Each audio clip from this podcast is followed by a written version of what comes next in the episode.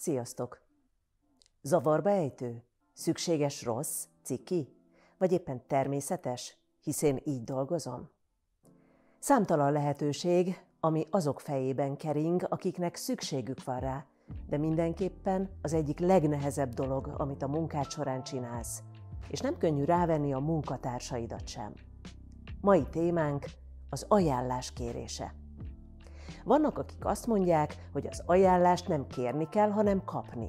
Nem kérik, hanem adják. Ez jó kiinduló pont, de ha valaki most kezdi a munkát, bizony elég nehéz ezt elérni. Az ajánláskérést felfoghatjuk fejlődési folyamatnak, és ahogy minden ilyennek, fejlődési íve van. Kétségtelen, hogy az a legjobb állapot, amikor kézről kézre adnak az ügyfelek, és maguktól adják az ajánlást. A kérdés, hogyan lehet idáig eljutni a lehető legrövidebb idő alatt? Először is, miért érezzük kellemetlennek az ajánláskérést? Egy teljesen természetes emberi tulajdonságból, a visszautasítástól való félelemből. Ez abból adódik, hogy az ember társas lény, szüksége van közösségi élményekre. Ha visszautasítást kap, akkor úgy érzi, hogy kirekesztette őt a közösség, amibe tartozik. Ha együtt dolgozol egy ügyféllel, akkor már közösséget alkottok, együtt működtök.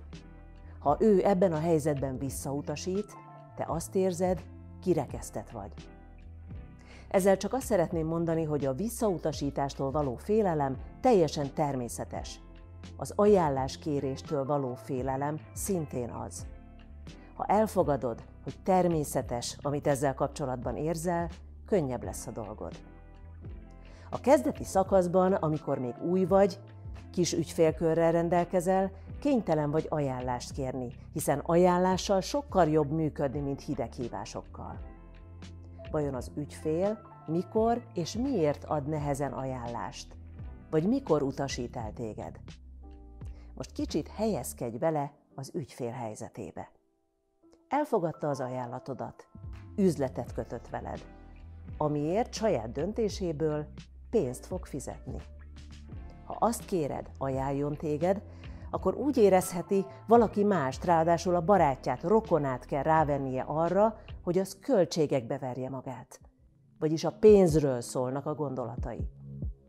Itt az időzítés nagyon fontos. Amikor a pénzről beszéltek, ne kérj ajánlást.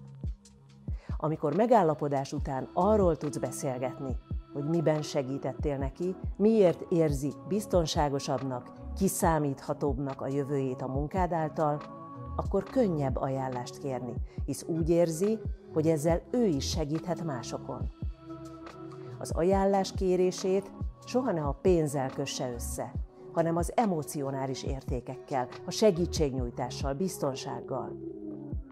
Ha ez már jól megy, hogyan juthatsz el a lehető legrövidebb idő alatt az áhított célig, ne kelljen ajánlást kérni, hanem anélkül is kapj.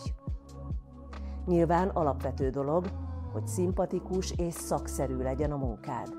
Megjegyezzenek, pozitívan gondoljanak rád.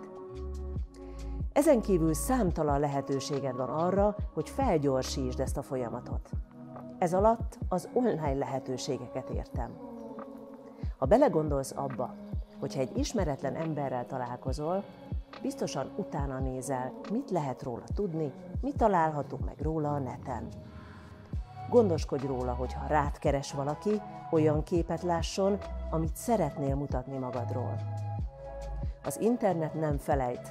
Ha valaki rád keres, szinte mindent megtalál, ami eddig összegyűjthető rólad ezért eleve fontos, hogy felelősséggel használd a közösségi felületeket.